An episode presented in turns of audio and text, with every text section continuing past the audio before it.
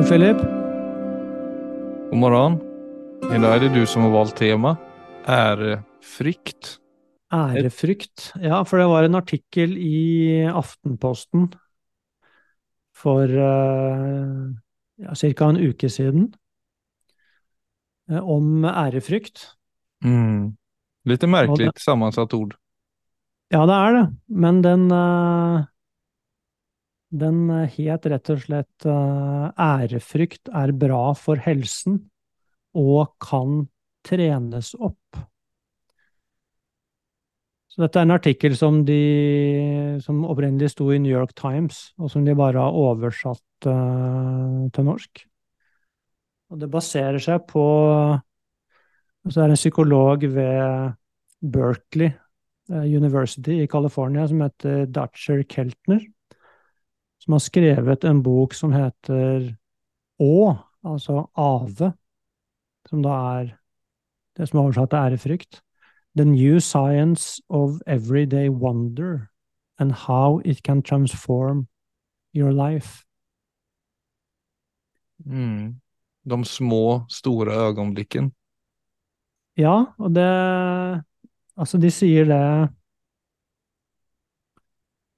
Ærefrykt Altså, det oppstår når vi føler det som kalles opplevd storhet. Mm. Kombinert med noe som utfordrer oss til å tenke nytt.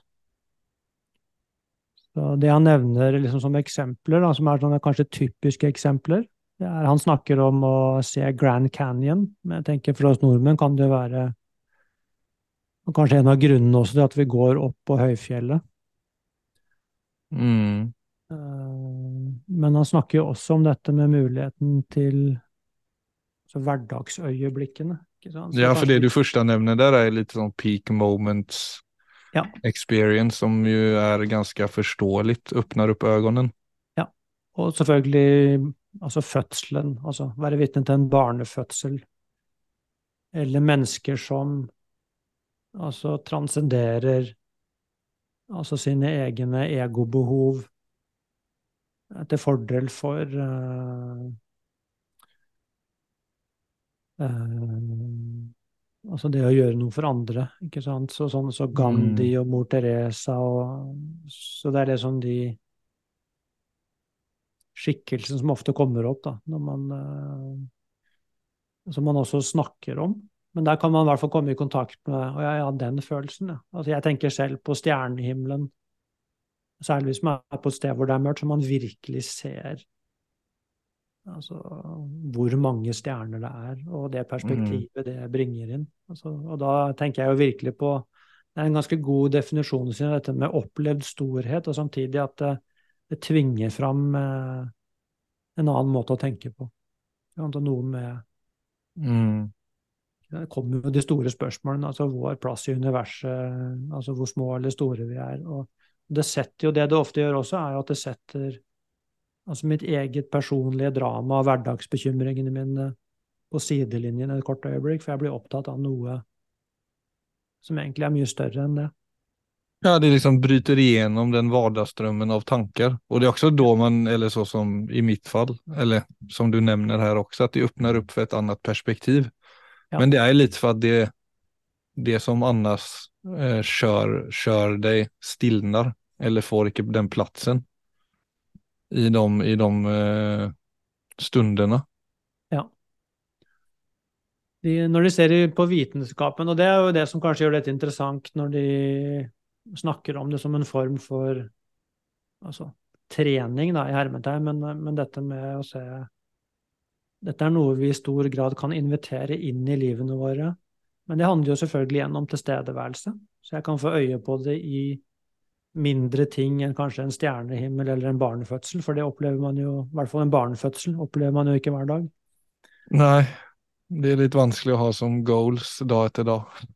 Men, eh, men det, det de ser at det gjør uh, i hjernen, da, som er veldig interessant, de ser at det roer ned altså det default mode network, mm. eller standardnettverket som jo er det nettverket hvor vi, altså hvor vi hele tiden altså opprettholder ideen om oss selv. Det er et selvrefererende nettverk. Mm. Og, og hvor vi nettopp har en tendens til å bli fanget i historien om oss selv. Så du kan si default mode network er selvfølgelig viktig for, for vår idé om hvem vi er, men samtidig så ser de også at depresjon f.eks. er uh, forbundet med altså en overaktivitet i det standardnettverket. Så vi ble rett og slett fanget i i uh, hva skal jeg si, i oss selv, egentlig. Og, mm. og, og, da får vi ikke kontakt med de store følelsene, for at vi blir, vi blir egentlig fanget i et altfor for begrenset perspektiv rundt det å leve. Og, og hvor, uh, hvor, egentlig alt plutselig handler om ja, altså mine egne opp- og nedturer, min egen suksess, min egen tilkortkommenthet osv. osv. Så, videre. så er det klart, når det, når det roer seg ned, så får vi også kontakt med et annet følelsesliv og andre perspektiver, hvor på en måte også jeg slipper fri, egentlig. Og det er veldig interessant, for hva er det jeg slipper fri fra? Jeg slipper fri fra meg selv. Mm. Altså fra mitt ego selv, da.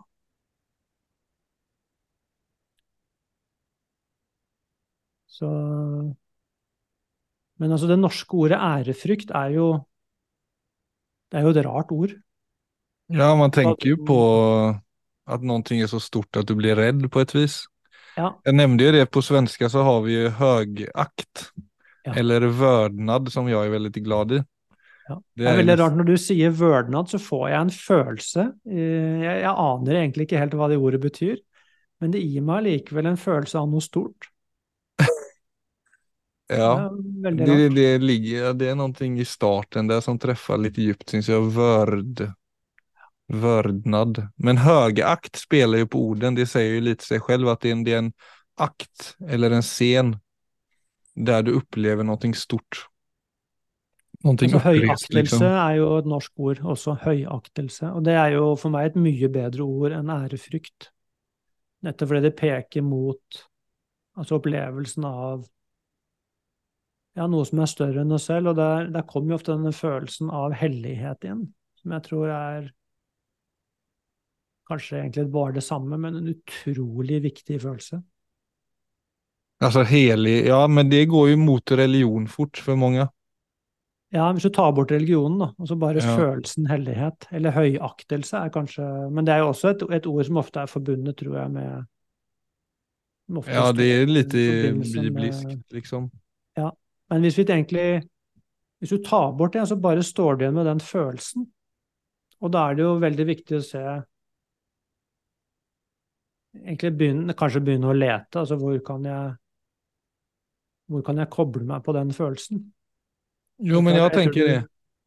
At det har jo vært Altså, hvordan kan du koble på den? For jeg opplevde, når du skickat den artikkelen til meg, så fikk jeg en følelse av at det her er ikke et tema, eller jeg føler ikke at det er en følelse som eh, preger samfunnet vårt så mye.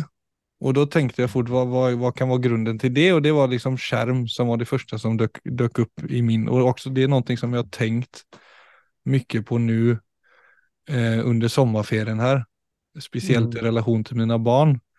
Ja. Og jeg tror liksom om vi holder oss til högakt som ord då, at skjerm kanskje er den største fienden vi har på just det området. I det at alltså dopaminnivåerna som, alltså hjärnan som då vid en høy skjermbruk eh, vänjer sig vid så pass höga dopaminnivåer, mm. altså belønningssenteret vårt, så att egentligen allt annat man gör blir lite tråkigt. Ja. Och samtidigt så visar det sig då att det tar ganska lång tid för hjärnan att kalibrera om sig. Alltså mm. som pauserna då mellan skärmtid och eh, vara ute i naturen och bygga barkbåtar i ett vattendrag icke är lång nog så vil også den følelsen av høgdeakt eller gåetablerende sommarminnen ikke være mm. like til stede. Så nå har jeg jo tre små barn og Louis er jo seks og han begynner jo få litt få litt opp øynene for skjerm, eller han har liksom lagt merke til at vi, vi ser på det. Mm. Og det som slår meg da i relasjon til mine barn er når jeg er veldig aktiv på skärm så blir jag sämre på att egentligen vara kreativ eller underhålla mig själv och bara vara med mig själv som i sig då också spelar över på barnen. För Ja. de behöver också någonting, de behöver också något fäste och komma, alltså någonting, någon som kan hjälpa dem att komma igång med grejer. Ja. Så her, eh, men alt dette du sier her, är, eh, är er utrolig viktig. Og da tenker jeg egentlig som en personlig refleksjon. Altså hvis igjen da dette med Hvis man skulle tatt en sånn ting som ærefrykt eller høyaktelse på alvor, så er det jo akkurat den det du nevner her, som blir den personlige utfordringen som alle vil stå overfor. For det at nøkkel, nøkkelkomponenten for å bli Ja, for at uh, eh, Altså at hverdagsøyeblikkene skal treffe deg så dypt at du kjenner på den følelsen. Det er jo nettopp tilstedeværelse. Og det er jo da den sensitiviteten som må være der, sånn at eh, ja, at små ting treffer deg i følelseslivet, istedenfor at det blir kjedelig nettopp fordi du har vent deg til en, eh, et dopaminnivå som, som går så fort, da. At disse hverdagsøyeblikkene egentlig blir kjedelig, istedenfor at det blir noe At det forbinder meg til livets storhet. Så det er jo et enkelt Mm. prinsipp, men jeg tenker jo igjen da, en, en stor, stor utfordring altså for oss i den moderne verden, dette fordi vi har vent oss til eh, å være så stimulerte. Så vi blir ikke, altså det å se et tre, det gjør ikke noe spesielt med deg, ikke sant? Altså det blir bare kjedelig. Det å være, du kan kanskje sånn, åh, barkebåt, ikke sant? Og så går du ned der, så lengter du egentlig bare tilbake til videospillet hvor, du, hvor det skjer mye, mye mer. Så hvor lenge man må være i den type omgivelse før man plutselig sånn, åh, før noe Mm. åpner seg. Ja, og jeg syns det er så tydelig. eller det, man kjenner det veldig tydligt. Eller om man, om man är bevisst på det. Jag, alltså jag kan eh, känna igen mig otroligt mycket i den konverteringstiden. Alltså den tiden det tar från att vara på skärm till att faktiskt landa i Mm. nästa ögonblick eller nästa stund eller nästa möte på en god måte. Mm. Jeg tror det Altså hvis du skal få inn mer av uh, altså følelsen, altså følelsen av livets storhet, egentlig, for det er jo det For meg så blir disse tingene, altså høyaktelse, livets storhet, undring De peker i, i nøyaktig samme retning, så, så ordene blir ikke så viktige, men det å identifisere hva er det som gir meg den følelsen, da er det i hvert fall veldig tydelig for meg at det handler om Altså, du må være på plass. Jeg må være på plass i meg selv for å bli berørt av livet. Og, og det å komme på plass i seg selv innebærer jo også da at det er en det er jo da en grunnleggende ro i systemet. For at hvis det er for mye uro, så er det klart at det er ikke plass til meg å bli truffet av hverdagsøyeblikkene. Så det er det som er krisen, egentlig. Altså når, når hverdagsøyeblikkene ikke beveger meg følelsesmessig lenger, så Mm. burde egentlig alarmen gå. Og det, og det er klart, og jeg skjønner jo Det er en ting, det er som alle ting, når det først er på plass, så er det egentlig en ganske enkel ting. Når det ikke er på plass, så må man ta noen veldig vanskelige valg for å ta det tilbake. Men det där er interessant med de store øyeblikkene du nevner i starten som også kan være en liten felle i det anseendet når man nevner liksom Grand Canyon, fødsler Alltså det er så starkt og så omveltende at det bryter igjennom av seg själv. Ja. Men ingenting skjer av seg selv i hverdagen. Nei, det er akkurat det. Der, der må det være en bevissthet rundt Altså Altså hva Altså alt jeg gjør i hverdagen, og da snakker vi om sånne enkle ting som du nevner, altså hvor ofte jeg sjekker, for eksempel. Altså for, det, for det viser jo hvor, hvor er det sinnet mitt er. Så alle de små valgene jeg tar i hverdagen, og det å eh, ta inn da, hva er det det gjør med meg? Hva blir konsekvensen av det for meg? Alle disse små tingene som til sammen selvfølgelig blir noe stort, da, for det blir jo livet mitt. Mm. Så, så små valg i hverdagen, det er de man egentlig må bli bevisst hvis man skal få til altså det vi snakker om nå, da, som for meg egentlig er å bli berørt av livet. For det, når du blir berørt av livet, så vil du føle deg levende. Og du vil føle da altså en form for flyt. Og da snakker jeg ikke om sånn peak moment-flyt, men altså en stille flyt i hverdagen. Hvor ikke jeg da blir Jeg blir ikke fanget i mitt eget hode Mm. rundt alle historiene om meg selv. Hva jeg må få til og ikke få til, og hvor bra jeg er eller hvor bra jeg ikke er. Sant? Så den derre Nei, konstant- hva jeg har å gjøre og ikke lyst til å gjøre. Det, det, det er faktisk også et annet perspektiv i det å være forelder som jeg er veldig glad i. at Det du sier, at det at man fastnar i sitt egne huvud, jo ofte for at man går litt i sine gamle spår. Altså man har vanskelig for å bryte ny mark. Og som Ja. forelder så er det sånn, når jeg setter meg i sofaen, så kan det ta två, så, så kanskje jeg er, har veldig behov, eller jeg tenker at jeg har behov for å sitte der, men så tar det två sekunder ibland, ibland två minuter, av at något barn ropar så jeg blir tvungen til å rese meg på å gjøre noe som jeg der og da ikke har lyst til å gjøre. Mm. Men som i seg, varje gang jeg gjør det, jeg, jeg er jo nødt til å gjøre det hvis jeg ikke vil være en shitty parent, liksom. da märker jag i mig själv efteråt att det är en sån, det är precis som det bara sår ett frö, det bryter upp i något gammalt och visar på en slags, jag får, kan få syn på en inre fleksibilitet eller en inre styrka som Mm. jag på en måte ikke hadde tilgjengelig når jeg bare satt i soffan der. Og som i går når vi var nere ved vi er fortfarande på hytta på Vejland, en øy, så var vi på den ene på var sydspetsen på en badstrand der. Og så hadde jeg badet med Louis og vi hadde badet litt for lenge. Altså for meg, jeg, han kan jo bade lenge länge som helst men jeg hadde liksom börjat bli kall. Och så kom jag upp och så går det några sekunder och så vill Willem bada. Och det var liksom, det var, det var vind och det var skyer, alltså det var liksom ikke så deilig väder. Eller badväder som typiskt badväder. Och då är det ju igen att jag står sån, jag kan säga nej Wilhelm det går inte men det vill jag inte göra heller. Så frusen och kall så går jag på nytt ner i vattnet och ska ligga i länge med honom. Och då dyker den födelsen upp igen. Som också är den där flexibiliteten, Mm. ett slags, en form för en eh, ja det där att gå ut ur sin konform då som vi också snackat om många gånger. Jag tror det, jag tror det spelar lite in på det vi snackar om här också. Att Absolutt. man må bryta upp, man må bryta lite sina spår och sina mönster för att komma in i de følelsene. Mm, helt klart. Og det å få øye på Altså, igjen, da. Altså den Én ting er å bli selvopptatt i dette. Altså, det er, det er kaldt, og jeg vil helst være et annet sted. Mens det andre tinget er å få øye på altså det som egentlig skjer. Altså igjen da den hverdagsmagien som utspiller seg der.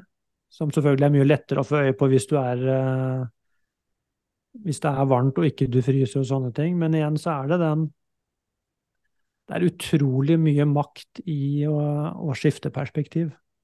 Ja, också det att man tror, det som är intressant i relation till högakt är jag tror att jag går i där och att det, oh, det blir kallt och sådär. Men så går jag in där och så visar ju sig situationen blir något helt annat. Jag har ju en hygglig stund med Wilhelm där, alltså så den, det det väcker i mig kan ju också där och då mynna ut i en väldigt god følelse, både för Ja. mig och för Wilhelm. Absolut. Och det är också intressant för det vet du ikke innan du har gjort det. Nei, sånn er det jo med alle ting. Altså, vi vet faktisk Og det er jo også noe som Man kan jo nesten få høyaktelse bare av det, hvis du tar inn over det at vi vet jo faktisk ikke neste øyeblikk. Altså, vi tror bare vi vet det. Mm. Så igjen dette med å stille seg åpen for, for eh, ja, livet, egentlig. Da. Altså det å stå åpen for livet og åpen for øyeblikket er jo akkurat det samme. Å se det at eh, Altså, jeg vet jo egentlig ingenting. Nei, og så altså, tror du- du kjenner til kroppens grenser, men så går du utenfor grensen, og så var det ikke sånn. Altså, hvis du Kroppen virkelig eh, klarade, blev ju inte ens kall när jag gick ut där på nytt, eller till och med när jag satte mig nästa gång efter att jag hjälpt Louis i soffan, så var det skönare att få satt sig ner. Alltså det är sån, Det är så många sådana ting som du tror att du har en gräns. Ja. Men så är det bara en idé som baserar sig på en flyktig følelse. Ja, det er nettopp det. Hvis, du, hvis, du, nå, Philip, og gjerne de som hører på, hvis du ser på din egen hånd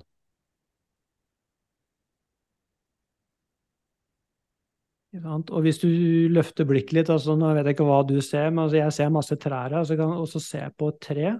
Ja, vi har sikkert den samme utsikten nesten. Ja, og ser kanskje på vannet og ser på himmelen, f.eks. Altså ting som alltid er der. Og så stiller jeg meg spørsmålet hva er dette egentlig? Ja, til og med min egen hånd, hva er det egentlig? Så vil du må ta inn over deg altså Det vet du jo egentlig ikke. Så hva er det egentlig? Så det er mm. Så det å tre ut av den altså igjen av det mindsettet som hele, hvor alt er definert, og det, ingenting er Herregud, det er bare en hånd, og det er bare et tre, og det er bare litt vann, og det er bare en himmel. Men å se, men hva er det egentlig? Så vi vet faktisk ikke. Og som igjen, i hvert hvert fall for meg, så ligger da følelsen av undring og aktelse ligger veldig, veldig nært når jeg tar inn over meg at hva er det egentlig jeg er midt i? Jeg vet egentlig ikke. Det blir plutselig, plutselig blir det noe stort, istedenfor at det bare blir egentlig et ord. Her er jeg bare tre. Eller det er bare en hånd. Ja, men der om, det, alltså, om du tar inn det litt mer eksistensielle perspektivet du snakker om nå, så kan jo Hva er det egentlig? Der er det jo mange som kan oppleve en känsla av at du mister kontrollen også. Ærefrykt. Ja, og da blir kanskje ordet ærefrykt ganske bra, egentlig. For, for det, det, er klart, det er jo en grense der, men Men nå gikk vi fra det hverdagslige til det ja, helt men jo, vet du hva, Philip, vet du, Det er en god overgang, for at det er Dette ligger jo nært opptil hverandre, sånn egentlig. Men jeg tror den Altså, hvis man hele tiden insisterer på å ha kontroll, så vil jeg si at da blir livet lite. Altså. Da har man lagt høyaktelsen langt, langt bort på en støvete hylle, for det, da, da, blir det ikke innpass for den type ting. For vi har jo ikke kontroll. Det er det første man egentlig må ta inn over seg. Vi har ikke kontroll på ja, men Tror du det i grunnen, om vi bare skal, for dem som liker det sporet, eh, det eksistensielle her, så tenker jeg jo så at når du nevner det, da, hva er det her, hva er det her, hva er det her, at, at det kan treffe oss med et obehag først. At vi liksom ikke ja. nødvendigvis gillar å ta oss an de store frågorna. Ja. Att grunden till det är att vi håller kontrollen som en knuten näve, att vi försöker liksom hålla ihop vår värld. Helt klart. Vi skal se ut på en måte, vi skal få til ting det, vi skal ha det og vi skal se ut, altså, Ja. Så så det, det, det, det som går utenfor det blir per definisjon eh, beslektet med fremmede og frykt. da. Ja, jeg tror, tror det. Vi liker ikke ta inn over oss at vi lever på en rund ball som eh, faktisk beveger seg med en ganske stor hastighet rundt sin egen akse, og som farer gjennom et endeløst rom også med en ganske stor eh, hastighet. Det liker vi ikke tenke på. Komisk at du sier det, for det tenkte jeg på når jeg gikk, inn, når jeg gikk i et naturreservat i Danmark. Der det var sånn ville hjorter, og det var helt stille. Det var sånn sen eftermiddag og det var bare hjortene og meg, kjentes det som, og solen som lå lavt. Og da tenkte jeg på det at jorden snurrer faktisk. Mm. Altså, det er ingenting man opplever, men det treffer meg bare da. Men det, det er helt drøyt å tenke på. Ja. Nei, men jeg tror det, det, er et eller annet på den. Det er en balansegang her, men altså vi, vi er nødt til å Altså hvis vi, skal, hvis vi, skal, kunne sette pris på de små tingene i livet, så kan ikke jeg forstå at det er mulig hvis ikke vi hvis ikke vi våger å ta et pust og se wow, altså hva, hva vi er en del av. Altså at det ligger noe spennende i det? Ja, det ligger noe stort i det, og som jeg, som jeg påstår at vi kjenner, altså vi kjenner det i vårt indre. Vi har jo tilgang på disse tingene, for vi er jo tross alt en del av dette. Vi er ikke atskilt fra, fra all øvrig natur. Altså, vi er jo Det er jo et slektskap her som er prentet inn i følelseslivet vårt. Hvis jeg hele tiden er nødt til å holde fast ved livet mitt, liksom som denne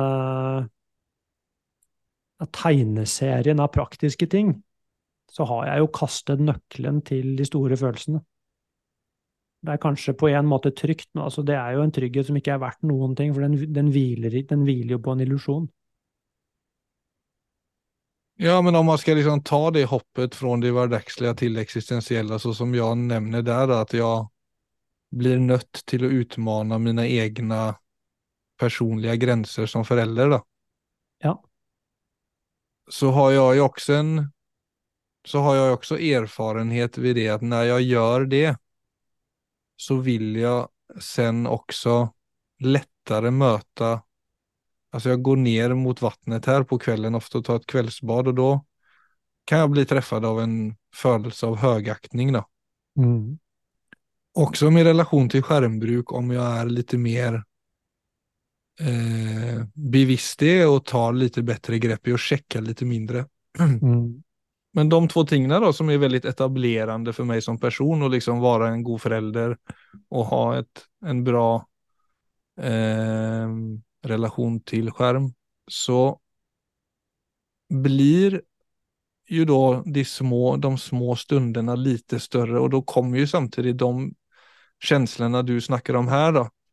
Eller den at du møter livet med litt større øyne og at livet kanskje inneholder litt mer enn det man bare går rundt og vanligvis surrer i. Det treffer en jo sterkere og kommer jo litt mer av seg selv.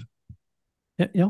Uten at man eh, legger masse, altså at man, hva heter, hva heter det, eh, kontekstualiserer rundt det, så som vi jo til en viss grad må gjøre i denne podden her. Ja. Men det er liksom å komme litt fra hverdagen til det du snakker om. Ja, veldig bra, Philip. Altså, og det tror jeg akkurat det de prøver å peke på i den artikkelen, når de sier de sier bare, altså Forskning viser at dette er en veldig viktig følelse for oss, det er veldig sunt for oss. Nummer to, den kan trenes opp. Og det er jo dette altså, Legge bort da treningsregimet betyr bare vi kan, det er en følelse vi kan velge i mye større grad enn vi tenker, og det er jo på de måtene du snakker om nå. Så det er bare å ha en bevissthet men det krever det, til en del, da. Det krever en bevissthet rundt konsekvensen av mine hverdagsvalg, og hvor de treffer meg i følelseslivet. Og, og det igjen er Det er menneskets lodd, rett og slett. Altså. Vi mm. tar valg hele tiden. Alle valgene våre har en konsekvens. Er jeg klar over det, eller er jeg ikke klar over det? Så graden av tilstedeværelse gjør jo at jeg kan velge meg Altså til et liv som jeg faktisk ønsker å delta i. Kontra at minste motstands vei faktisk ender opp i et liv som jeg ikke ønsker å leve. Altså, og der står vi på en måte alle sammen. Mm. Vørdnad, høgakt, ærefrykt. Ja, vørdnad. Altså, det ordet skal jeg smake litt mer på. Ja, det, det, ligger godt i munnen. Ok, da tar jeg opp kaffekoppen og takker for meg. Flott, Philip. Takk for i dag.